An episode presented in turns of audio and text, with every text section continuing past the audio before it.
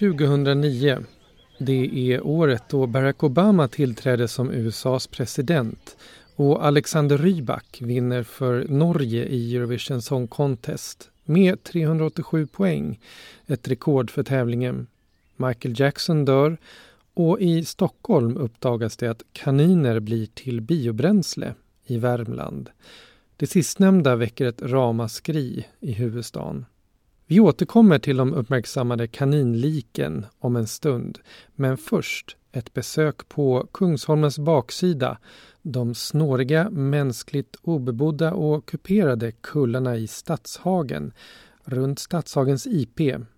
Just det här området, ett stenkast från Karlbergs slott, har länge ansetts vara ett av kaninernas starkaste fästen i Stockholm. Nu är jag här med en gammal vän och mångårig boende i just Stadshagen, Hanna Sundelin. Tillsammans är vi fast beslutna att hitta de små gulliga djuren innan det blir för mörkt. Alltså, välkommen till podden Natur på SL-kortet. Den här gången i Snurrsprätts anda. Nu är det ganska tidigt på dagen. Det här är ju, vi är ju i slutet av juni så det är ljust länge nu är väl klockan runt åtta skulle jag tro på kvällen. Min bild av kaniner är att det är lite skymningsdjur. Mm. Men vår förhoppning är ändå att eh, vi ska få se några kaniner. Vad tror du? Ja, alltså när jag flyttade hit för 20 år sedan då var det ju fruktansvärda mängder kaniner. Då såg man dem ju hela tiden. Men nu så har de ju skjutit av dem, gissar jag. Eller hur gör de sig av med kaniner nu för tiden? Jag vet inte. Men nu är det mer en jackpot när man får se en kanin. Men eh, vi får spana lite här framåt tänker jag upp, upp på Stadshagsberget. För där tror jag att det kan vara bra. Och så brukar de bo liksom i slänten. Man ser lite hål ibland också nere tunnelbanan så där ska vi gå och spana också. Se vad vi hittar. Ölburkar, kanyler, brännässlor, violer och en och annan motionär tungt flåsandes i uppförsbackarna.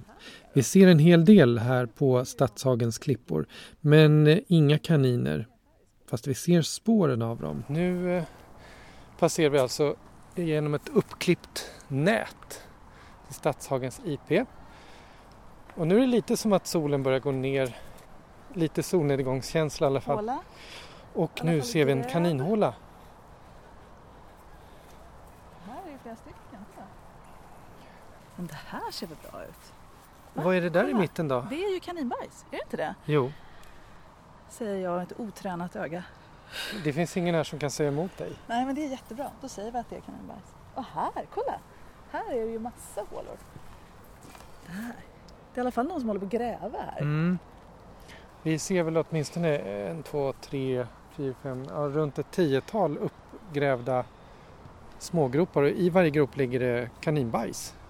Och så har vi en kanyl. Men hur mycket vet du om kaniner egentligen? Väldigt lite. Mm. Har du känt dig nyfiken när du sett alla kaniner? Eh, nej, inte så, så att jag har läst på något mer. Mm. Mer fascinerats över mängden och så sen bara lite sådär plötsligt när vi var på väg hem en kväll, min dotter och jag, så sa vi men det är ju inga kaniner, insåg vi liksom plötsligt. Och då börjar man undra hur, faktiskt så funderade vi på hur 17 en brutal fundering, men hur gör de sig av med kaninerna? Om de förgiftar dem eller skjuter dem? För att jag har inte sett någon i typ stadens kläder som är ute och rekar eller för att göra sig av med kaniner. Så att, men det var som att det gick ganska snabbt den där övergången från en mängd kaniner till nästan ingen alls. Mm. Ja, där, vad hände egentligen med alla kaniner? Vi går tillbaka några år till massavskjutningens år 2009. Det var kanske då som Stockholm hade som mest kaniner.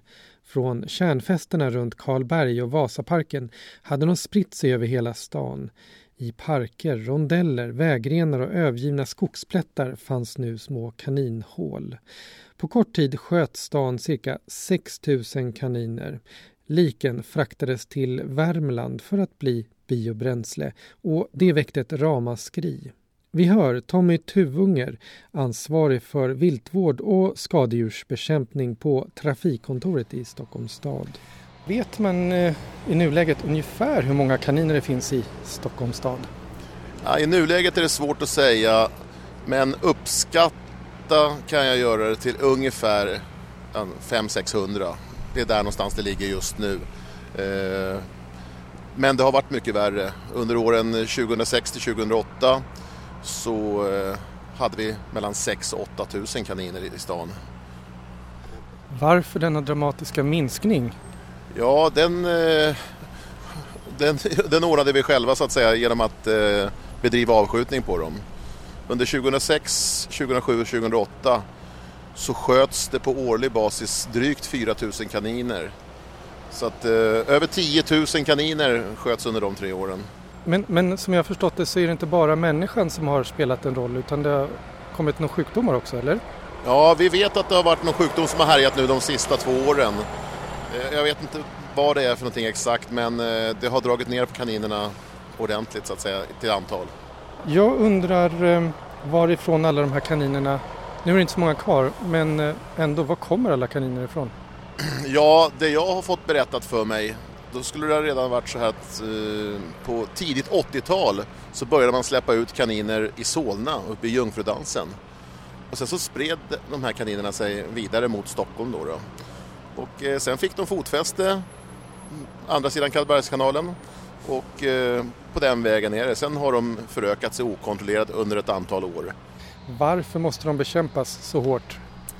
Ja, jag håller faktiskt med dig. De är ju jättefina att titta på. Eh, och sen kan man tycka att eh, de gör inte så stor skada. Och det är sant. Sommartid så gör de ingen skada alls. Då hjälper de bara oss att klippa gräsmattorna mer eller mindre.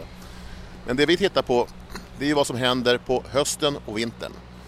Då blir det mer permanenta betesskador när de drar fram så att säga. De ringbarkar buskar så att eh, ja, träd och buskar dör. Jag kommer ihåg debatten 2009 då staden forslade kaniner till Värmland där de blev biobränsle. Det väckte ganska stora infekterade åsikter i media bland annat. Hur slutade den historien? Ja, det där, hela det här ärendet vart ju liksom misstolkat av media. Grejen är så här att eh, de här skjutna kaninerna de skickades tillsammans med övriga döda djur exempelvis rådjur som har förolyckats i trafiken och liknande. Och då för att hålla stadens kostnader på en rimlig nivå, då samfraktade man skjutna kaniner ihop med trafikdödat vilt till förbränning. Är det någonting som, man, som staden har fortsatt med, samforsla olika trafikdödade djur och kanin? Ja, det är alltså, vi, vi, vi samlar ju samtliga skjutna djur och frakta dem på det här sättet. För det finns ingen ekonomi att skicka enstaka kaniner till ett ställe och trafikdödade rådjur till ett annat ställe. De enda djuren vi gör skillnad på så är det ju tama djur. Exempelvis då, det kan vara en katt som blir påkörd eller en katt som har ramlat ner från en balkong och slagit ihjäl sig eller vad som helst. De tama djuren, de lägger vi, alltså av, de, de, det är döda djur vi pratar om, de lägger vi i en separat frys. Där får de ligga minst ett halvår så att en eventuell ägare kan göra anspråk på det. Liksom Tillbaks till Hannas och min kaninsafari runt Stadshagens IP. Vi har nu smugit runt hela idrottsplatsen utan framgång. Det enda vi sett hittills är kaninhålor och kaninbajs. Fast inte kan väl alla kaniner bara ha försvunnit? Frågan är bara vad det är som helt plötsligt gömmer sig där, bortom den bedagade längdhoppsgropen. Och sen kommer vi ut där vi... Vad är det där? Vart då? Vart då? Vart då? Vart då? Längst bort. Bortom, eh, bortom den där gröna startgrejen. Vad är det som sticker upp där? Där borta. Det skulle, om man är optimistisk skulle det kunna vara ett par kaninöron. Fast det är så stilla. Ja men eh, det, det gör kaniner ibland. Ja alltså... nu börjar det inte... Men nu kan jag verkligen tycka att det ser ut som en kanin men den... Nej. Se. Jag tror att det är en kanin. Tror du det? Nej. Jo, det måste det vara. Alltså... Är det så att vi faktiskt har hittat en kanin? Ja, det vore ju fantastiskt. Det skulle göra mig så glad om det var en kanin. Ja, jo, det är en ja, kanin! Åh, en kanin. oh, den rör sig! Titta vad roligt! En liten... Och titta, nu kommer några kids där. Nu kommer de snart att sätta fart, tror jag. Den är ju väldigt söt. Är den inte pluttig? Är det inte en liten kaninunge nästan? Jo, det tror jag. Den är ju jättesöt. Vågar vi gå lite närmare? Ja, det gör vi. För jag tänker att de där kidsen där borta kommer ändå skrämma bort den snart. Men gud, titta! Vilken, du har verkligen en hökblick. Snyggt! De är ju väldigt gulliga. De är väldigt söta. Alltså, En, en ganska mörk kanin det här. Ja, men det brukar de vara. De brukar ha den där färgen, de som är här uppe. Mörka och små och gulliga brukar de vara.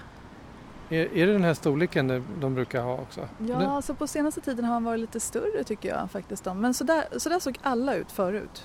Det var typiska den sorten som hängde här. Vilket i mina ögon ser ut som en tamkanin, alltså något man har hemma i bur, eller? Absolut. Där, där är en till! Där var ju med vit svans. Två, två kaniner. Plötslig jackpot alltså. Och den där försöker se ut som att den inte syns. Det är väldigt gulligt. Det lyckades nästan med oss. Ja, faktiskt. Vart tog den andra vägen? Ja, den, är, den är där borta, sitter Ja, still. okej. Det Där här är en tredje. till. Nu sprang den lilla mörka kaninen iväg 10 meter. Men den satt fint för oss väldigt länge. Vi kom eh, ungefär tre, två meter ja, bort. det var det nog. Eh, ja men det här var ju, skulle jag vilja säga, en hit. Ja, det var det verkligen. Jag är så glad att vi till slut hittade några. Ja. Ni har lyssnat på Natur på SL-kortet. En podd av mig, Stefan Nordberg. Vill ni veta mer om dagens avsnitt kan ni gå in på www.juriskt.se eller Facebook-sidan för Natur på SL-kortet.